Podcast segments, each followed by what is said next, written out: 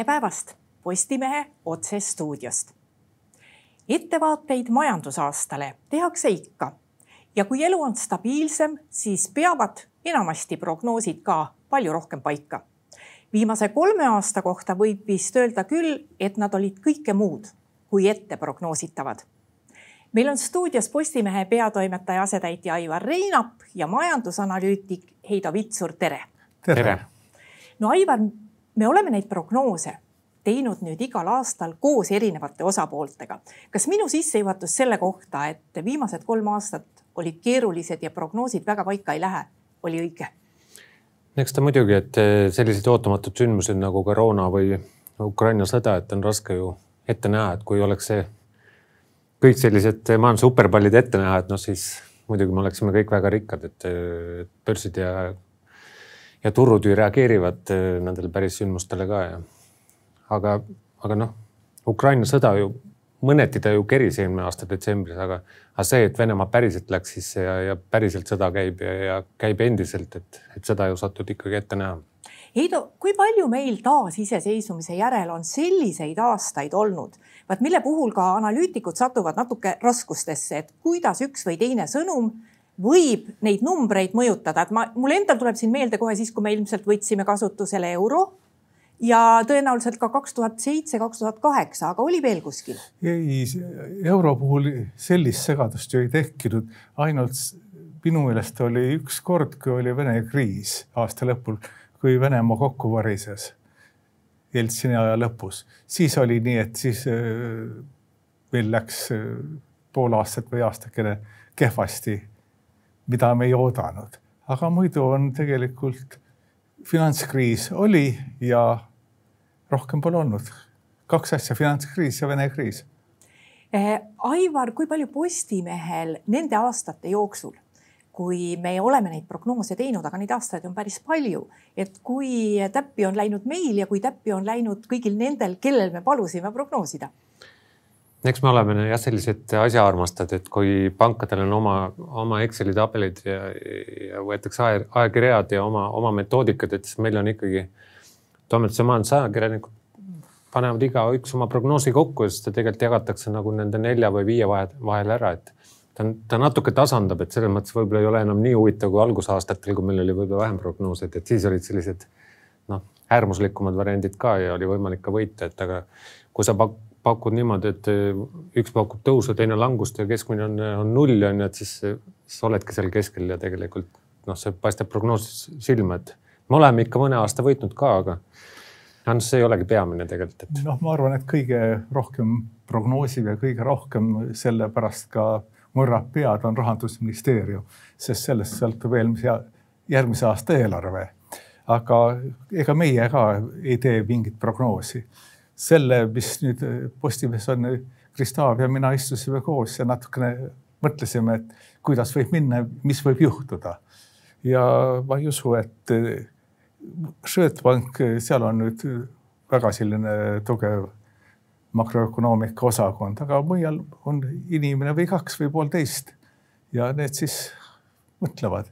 nii et äh, ma arvan, et rohkem ei ole vajagi, sellepärast et nii kui midagi ei muutu, siis on nagu ilma ennustamisega suvel, et olulist muutust ei ole ja ilm on sama, mis eile, aga ja ongi õige. aga kui midagi tuleb, mida me ei oska ette ennustada nagu sõda või veel midagi, Covid, siis äh, pane sa millise mudeli ikka need arvud ei näita midagi, sellepärast et seal ei ole Covidit ja seal ei ole sõda no tegelikult me võime öelda vist, et jumal tänatud, et majandusministeerium suhteliselt või vabandust, rahandusministeerium suhteliselt täpselt prognoosib, sest eh, nende prognooside alusel pannakse siiski kokku riigieelarve ja kuigi noh, riigieelarves on võimalik ka aasta jooksul korrigeerida, üldiselt mitte keegi meist ju väga nii-öelda eh, jooksval aastal sellist negatiivset riigieelarvet nagu negatiivset lisaeelarvet ju näha ei tahaks, see puudutab elu väga valusalt. no ütleme, et eelmise aasta baasil ei ole ka põhjust karta mingit eh, lisaeelarveid, et eh, just negatiivset selles mõttes, et ju inflatsioon oli kõrge ja tegelikult ju maksutulud laekusid väga hästi, et, et ei ole probleemi, aga nagu me mõtleme jälle rahandusministeeriumi peale, et eks neil ei ole ka kõige rohkem infot, kui me mõtleme Maksuameti, Statistikaameti, et, et nad saavad ju nii-öelda kõige parema tunde selle kohta, mis, mis päriselt reaalelus toimub, et meie vaatame võib-olla neid asju kuu-kaks hiljem, kui need numbrid on välja tulnud, aga nendel on nagu käsi kogu aeg sees, aga noh, ega seda, seda tabelit, mida me siin ka küsime nende analüütiku käest, et ega see ei ole ka väga ju selline nii-öelda nagu mak makroanalüüsil tuletatav asi ka, et, et siin võib-olla neli, neli majandusnäitajat on sellised, mida nagu kõik analüüsimajad enam-vähem prognoosivad, aga ülejäänud on selline meil ikkagi mänguline, et, et kui palju see bensiini hind tanklas on või kui palju dollari ja, ja euro kurss on või mis see börsihind aasta lõpus on, et või ka elektribörsihind, mis on noh, veel segasem viimastel aastatel, et, et selles mõttes, et see on selline rohkem tunde küsimus, et kas ta nüüd on natukene parem kui sel aastal või, või läheb hoopis allapoole, et, et see seal nagu mingisugust väga suurt analüütilist oskust võib-olla ei saa rakendada täitsa nõus öelduga.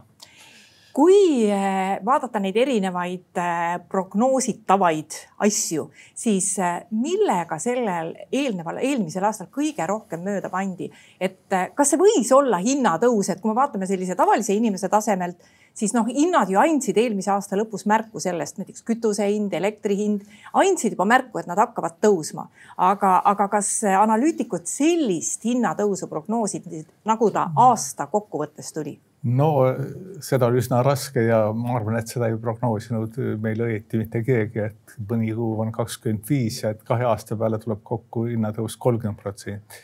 no sellist asja polnud olnud vist alates üheksakümne teisest, kolmandast aastast sest kõige suurem hinnatõus enne finantskriisi oli meil ka kuskil kümme, üksteist protsenti aastas. nii et kakskümmend viis, noh, see on ikka liiga, liiga palju. Et see, mis te tagasi viitasite, see läheb ikkagi, see võrdluskoht läheb tagasi ikkagi pärast seda, kui me võtsime krooni kasutusele? see oli jah, krooni lõpus ja teine oli siis, kui me võtsime kasutusele ja siis oli oodata, et hinnatõus saab suur olema, sellepärast et enne oli meil ju seda oli tuhat protsenti ja ega ta siis kokku nulliks ei lähe. natuke kroon võeti ju tugevusvaruga juba selle arvestusega, et inflatsioon tema tugevust natukene nüdib. Aivar, aga mis seal veel olid, mis, millega nagu analüütikud noh, lihtsalt olenevalt sellest, missuguseks elu muutus, lihtsalt puusse panid? eelmine aasta oodati kuue koma viie protsendilist hinnatõusu, et see oli, noh muidu tavalisel ajal tundub see suhteliselt kõrge nagu hinnatõus, aga et no oleme ausad, et see, see elektri hinnatõus ju hakkas peale eelmise aasta ju detsembris, et ma kardan, et meil oli vist juba selleks ajaks prognoosid koostatud, kui see suur elektri hinnakirves meile kaela tuli, mäletame neid detsembri arveid, mida me jaanuaris maksime, et need olid ju hiigelsuured. aga tegelik hinnatõus oli siin üle kolme korra suurem ja sama vaatab vastu siit elektri puhul ka, et kui oodati nagu aasta keskmiseks hinnaks siin üheksakümmend kuus eurot megavati eest, siis tegelik hind oli ka kaks korda kallim, nii et noh, sellist asja ei olnud võimalik ette näha, et, et no, Venemaa, Venemaa tõttu nagu see asi kukub kokku. mõeldi ju seda, et see börs stabiliseeritakse ära kuidagi ja et hinnatõus kuus-seitse protsenti aasta keskmisena. noh, heakene küll tuleb kaksteist või kolmteist protsenti aasta alguses, aga aasta lõpuks ikka stabiliseeritakse ära. aga seda, et sellega noh, toime ei tuldud, et elu läks teisiti, sellega ei arvestanud keegi. aga turg kukkus sisuliselt kokku, et ega ju kui maagaasis ei olnud enam pakkumisi, on ju hinnad tõusid kordades, on ju selle asemel, et muidu nagu samm-sammult vaikselt tõusta, et eh, siis see mõjutas elektriturgu ja kogu seda nii-öelda kütte ja, ja tööstussektorit ka.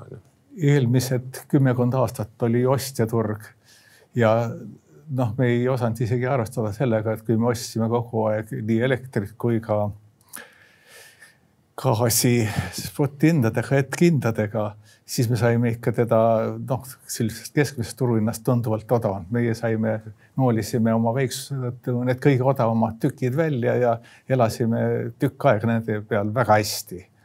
ja noh, siis meil see laks oli ka topelt tugev võrreldes teistega kuidas Euriboriga, mis on ka praegu väga palju emotsioone tekitav faktor, et kuidas Euriboriga oli, et kas Euribori tõusu ennustati, ei ennustatud? väikest tõusu oodati, on ju, et aga ikkagi eeldati, et see jääb ikkagi aasta lõpuks miinusesse, aga noh, reaalsus oli see, et äh, oli aasta lõpus on ikkagi kaks, kaks koma seitse protsenti kuue kuu Euribor, nii et et noh, siin on ikkagi oluline hüpe toimunud, et. kui inflatsioon selline tuli, siis pidi Euribor selline ka tulema, nagu ta praegult on ja võib-olla isegi suurem. kuid äh, põhiline on see, et jah, et hinnatõus läks ülesse, seda ei oodanud keegi ja selle tõttu läksid ka teised arvutused viltu. Kuulge, kumb siin nüüd nagu nii-öelda normaalsem on, kas see, et noh, analüütikud ju ütlevad, et Euribor sellisel tasemel, nagu ta oli ja nagu ta meid ära harjutas, ta praegu praktiliselt ka ühe põlvkonna harjutas sellega ära, et nii madalal nii kaua aega, et kas pigem see ei ole normaalne või pigem ei ole see normaalne, et ta nüüd nii palju tõusis? normaalne ei ole see, et rahal ei ole hinda, nii et ja selle tagajärgi me tegelikult mingil määral ka praegult helbime sest eh, kui rahal ei ole hinda, siis eh, on väga raske teha ratsionaalseid otsuseid, sest see, mis ei maksa, seda saab kulutada nii, nagu tahtmine on. Euribor enne finantskriisi oli, nii kaua teda, kui kaua teda oli, oli kolm ja pool protsenti. nii et eh, mitte negatiivne, mitte ja see, et negatiivne intress tuli, see on ikka finantskriisi järgne leiutis. selle peale ei osanud üldse keegi mõelda mäletame, et see miinus, see Euribor ju juba tekitaski poliitikutes väga suure soovi, et et miks me oleme lollimad kui teised Euroopa riigid, et võtame täiega miljardeid laenu ja lihtsalt sööme selle raha ära, et nagunii tagasi maksma ei pea, et nüüd on paraku olukord muutunud ja ikkagi kõik maksavad tagasi, midagi teha ei ole kui me vaatame meie sama oma euro hinda ehk siis euro kurssi dollari suhtes, kuidas selle prognoosiga oli? Eh, tavalisele inimesele on see, mis täna käes on, natuke halb üllatus, aga kas seda osati ette näha? no see on nii ja naa, et kuna me vaatame seda aasta lõpu hinda, et seda võib ju tegelikult ju aasta algus kuskil ju tõusta ja langeda, et et, et kui sa nagu finišis mõõdad seda nii-öelda detsembri lõpus, et siis see ei kajasta seda nii-öelda nagu seda hüplikku perioodi, et mäletame ju, et ühel hetkel oli ju dollar isegi eurost kallim on ju, et aga noh, suures plaanis seda aasta lõppu nähti ette, et aga noh, ma arvan, et keegi sellisel kujul sellist äh, dollari ja euro nagu kursi kõikumise osanud küll ette näha. tööturu üldine seis ehk siis sealt me vaatame sedasama tööpuuduse taset. Äh, see, selle puhul on ju asi selline, et üldiselt äh, öeldakse ikkagi, et see nüüd kõige hullem ei ole praegu. no pandi täppi. Ja, täiesti... ja pandigi täppi jah. jah, just. jah, sellepärast, et noh, oli selge, et eh, seda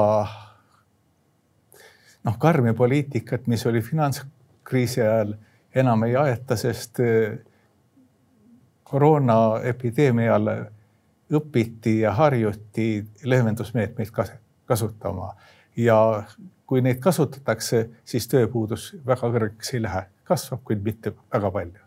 siin on muidugi, ma ei ole väga kursis, et kui, kui palju siin, kuidas need Ukraina pagulased siia sisse on arvestatud või mitte, et samas, kui me vaatame nagu üldiselt fooni, et on, et ega enam väga ju ei otsita poodidesse müüjad ega tanklatesse müüjad, mis oli tegelikult aasta alguses ju väga suur töö, tööjõupuudus oli, et aga ju see kõik on siis tasa, tasandunud ja, ja ka need hotellide avanemised pärast koroonat on tekitanud uusi töökohti tagasi sinna nendesse sektoritesse, nii et, et võib-olla see veel ei ole mõju avaldanud, et, et majandus on need uued töökohad nagu endale sisse haaranud? ilmselt me näeme selle möödunud aasta mõju tuleval või sellel alanud aastal.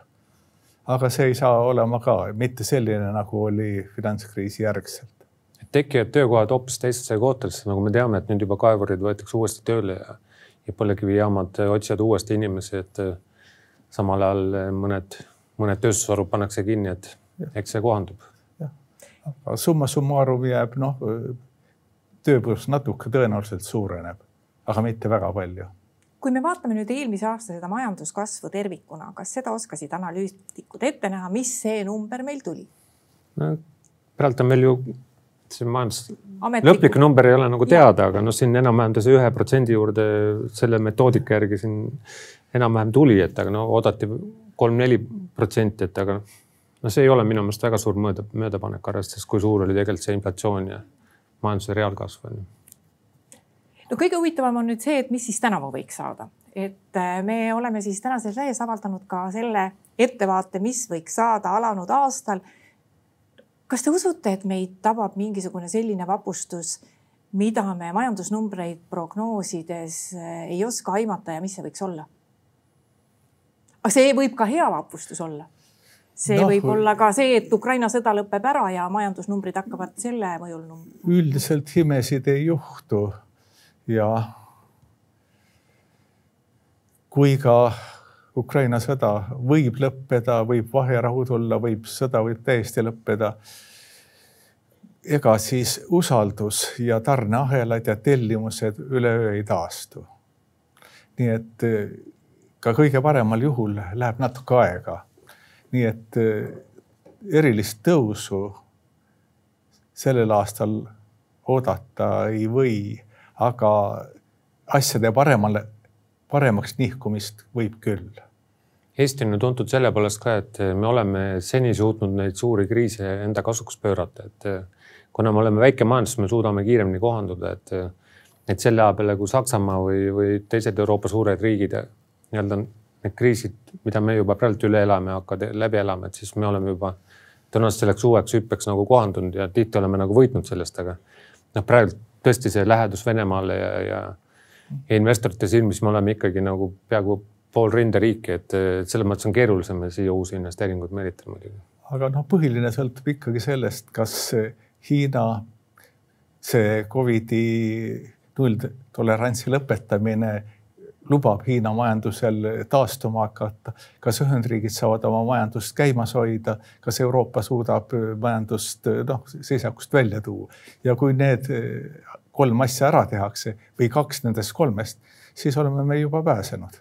Aga kui arvestada, et hiinlased juba vaikselt on vabaks lastud, et nad saavad põdeda ka selle nii-öelda selle kergema koroona läbi, mida meie nagu oleme läbi põdenud, et eks võib-olla teisel poolaastal juba on äh, kõik hästi seal. võib loota jah no kui Heido ütles, et tarneahelad kohe ei taastu, siis ilmselt ükskõik, kuidas see sõda lõpeb, on siin ka selliseid faktoreid, äh, mis võib-olla ei taastugi. ehk siis äh, see, et Venemaaga kaubeldakse samasugusel viisil, see tõenäoliselt lähemal ajal ei taastu, isegi siis ütleme, et kui Venemaal võiks muutuda režiim või, või see sõda võiks lõppeda nii, nagu lääneriigid kõige positiivsema programmi järgi näevad. mis te arvate või kuidas? no läbi aastate on kogu aeg räägitud, et on, et me Venemaaga ei kauple, aga tegelikult me ikka kaupleme, sest nad on nii lähedal meil, et, et see on mõistlik kaubelda, aga lihtsalt noh millal see sõda lõpeb, millal need piirid avanevad ja millal see kogu see majandus tagasi pöördub, et tõenäoliselt sellega läheb ikka aega, jah. Kuid on selge see, et Venemaa siiski pöördub otsustavalt Aasiasse ja ükskõik, mis ka juhtuks, Venemaa prioriteediks jääb Aasia suund eelolevatel aastatel. aga loomulikult, kui võimalust läänes midagi tagasi võita on või enda positsiooni parandada, nad seda kindlasti teevad või püüavad teha et nüüd äh, meie vaatajatele oleksid ka mõned numbrid võib-olla rõõmustamas või ma ei tea, võib-olla kurvastamas otse ees, siis no kõige tundlikum, üks kõige tundlikumaid asju on praegu see hinnatõus. Äh, mida hinnatõusu kohta alanud aasta puhul arvatakse? kas hinnatõus hakkab nüüd äh, muutuma väikeseks languseks või on seal veel tõusuruumi? nagu see number oli siin aasta lõpuks üheksateist ja järgmine aasta lõpuks keskmisena arvatakse poole väiksemat täpselt, et noh, ega see see number tuleb ju nii kokku, et aasta esimene pool on tõenäoliselt väga suur hinnatõus ja teine pool, ma ei imestaks üldse, kui see noh, suhteliselt äh, alla, alla läheb, et. kolm kuud ju oli baas suhteliselt madal möödunud aastal ja selle tõttu lähtudes sellest, et hinnad on seesugused, nad on ja nad tõenäoliselt ei kuku, siis äh, tuleb hinnatõus esimene kvartal kindlasti suur. aga me peame arvestama ka seda, et energiahinnad ei ole veel teistesse hindadesse täielikult sisse viidud ja surve hindade tõusuks ka toiduainetööstuses, mis on kõige valusam hinnatõus, jätkub veel. nii et eh, hindade tõusu vähemalt eh, pool aastat me võime veel oodata kuigi eile juba tuli vaat positiivne uudis ju, et maagaasi hind on juba odavam kui ennem sõja algust, nii et ega, ega seal energiahindadega, kus noh, mõju on ka soojadel ilmadel ja, ja, ja, ja muudel asjadel, et pole imestada, kui, kui hoopis hakkab hindu alla suruma hoopis. seda küll, aga praegult eh, firmad kasutasid oma kasumi ära, et hindu mitte tõsta ja hoida oma turunišši ja nad kuskilt peavad raha teenima hakkama, et teha uusi investeeringuid. nii et eh, ma eriti optimist ei ole hindade alanemise suhtes, ka siis, kui gaas jääb nii odavaks, kui ta jääb ja siin paljud asjatundjad siiski ütlevad, et gaasiga võib probleeme veel terve tuleva aasta tulla, sest äh, Vene gaasi, võrgugaasi niisama lihtne asendada ei ole, sest Euroopa hoidlad osteti täis suvel, siis kui gaas veel odav oli. aga nüüd tuleb kalli gaasi, vedelgaasiga nad täita. mis selle mootorikütusega võiks saada, kas see tase, kuhu ta nüüd sellest tipust või kõige kallimast tasemest äh, on langenud, kas see võiks jääda või tegelikult ma just lugesin siin kütusemüüjate arvamust, et äh, bensiini hind hakkab kohe jälle tõusma? no siin väikest tõusu on ette, ette nagu prognoositud, aga eks see naftaturg ju ka sõltub paljudest asjaoludest, et äh, kuidas on maailma seis ja kui, kui kiiresti kogu maailma majandus kasvab, et praegu ta väga kiiresti ei kasva, et selles mõttes hoiab natuke tagasi, aga ja muidugi dollari kursi mõte ka, et, et kas euro, euro hakkab kallinema nüüd dollari suhtes ka rohkem või mitte? taastab oma tugevust, aga põhiline, millele tuleb vaadata, on Aasia.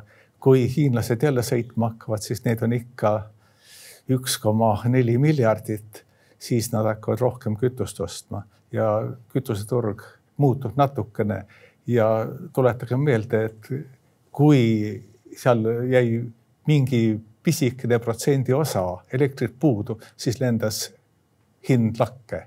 nii et seal ei ole väga palju nõudluse muutumist vaja, et hinnad hakkaksid tõusma. kas tööturu olukord võiks hullemaks minna, ehk siis kas tööpuudus võiks sellel alanud aastal suureneda? no siin ikkagi eeldatakse, et eh, kaks protsendipunkti ehk siis viie koma kuuelt seitsme koma kuuele võiks keskmiselt see tõusta, et no see tähendab ikkagi, no ikkagi kümned tuhanded inimesi peaks töötuks jääma, et et arvestades, et ka palgad tõusevad juurde, et inflatsioon kasvab, et noh, eks ettevõtjad peavad ju kuidagi hakkama saama, et see on arusaadav. siin on ju asi selles, et ta ei ole niivõrd Eesti sisemajanduslik kui lihtsalt tellimused mõnes riigis, kus ei lähe nii hästi, kui meil läheb, ära kukuvad, siis lihtsalt meie inimestel pole tööd. meie ekspordime ju oma tööstustoodangust kaugelt üle poole ja kui tellijad ära kaovad või ei jõua osta, sest eh, meil läksid hinnad ju ülesse, palgad tõusid ju kuskil kümme protsenti möödunud aastal. kui me ei suuda konkureerida nende palkadega, siis, eh, siis ongi nõnda, et valik on, et lõpetada või peatada ajutiselt tootmine, nii nagu siin standard tegi. ega need võimalused on täiesti reaalsed ka sellel aastal mis selle Euriboriga, mis otseselt ju ka meie kodulaene ja liisinguid mõjutab, et mis sellega võiks uuel alanud aastal saada? eks ta samamoodi tõuseb vaikselt edasi, mitte enam nii hüppeliselt kui nüüd selle aasta jooksul, aga ikkagi väike tõus vist on. jah, ilmselt, ilmselt tõstetakse, noh pidi tõusma null koma, tähendab baasintress pidi tõusma null koma seitse viis, seitsekümmend viis protsenti. nüüd tõsteti null koma viis, aga ma arvan, et jätkatakse, sest inflatsioon on ikka kõrge ja inflatsioon tegelikult ju teeb inimesi palju rohkem vaesemaks kui see null koma viis protsenti Euribori. kuid siin on üks eh, meie ja ka meie naabrite, sealhulgas ka soomlaste omapära. me kasutame väga palju muutuvat intressi. Euroopas on nii, et eurotsoonis on kuskil alla kümne protsendi selliseid laenusid, kus ei ole fikseeritud intress ja riigid elavad täiesti erinevalt üle seda Euribori tõusu, kui on fikseeritud intress, kannatavad praegu pangad, mitte inimesed, aga meil on vastupidi, pangad teenivad ja inimesed kaotavad. Mis siis praegu peaks tegema, et kas Euribor on praegu juba nii kõrgel tasemel, et fikseerida pole mõtet või tark inimene ikkagi praegu, kui ta läheb laenu see on iga, see on, see on iga inimese enda otsustada, ma ei hakka siin kellelegi midagi soodu, soovitama. aga kui vaadata, siis mujal maailmas hakati intressi fiksima juba kolm aastat tagasi. ja lõpetuseks eh, meie, missugune meie üldine majanduspilt siis ehk siis meie üldine majandus, kas meil on sellel aastal pigem majanduskasv või pigem majanduslangus? no siin on ikkagi miinusmärgiga see, et eh, kuigi ta ei ole suur, on ju siin enamik prognoosijaid ikkagi ootab majanduslangust ja kui panna sinna jah see inflatsioon ka otsa, et ega, ega siin midagi väga rõõmustavat ei ole, aga samal ajal ei ole keegi näe ka ette mingisuguseid müstilisi kukkumisi, et siin üks-kaks protsenti, see on meil tihti vea piires. pigem võib mõtelda, et on stagnatsioon, et aasta algus on raskem, aga siis võib hakata tasakesi paranema. aga kui aasta algus on raske, siis aasta keskeltläbi tuleb ka kehvavõitu. aitäh, Heido Vitsur, aitäh, Aivar Reinap. aitäh ka kõigile, kes meid vaatasid. nii palju veel et Postimehe järgmine otsesaade on eetris juba homme. seniks lugege uudiseid postimees.ee. thank you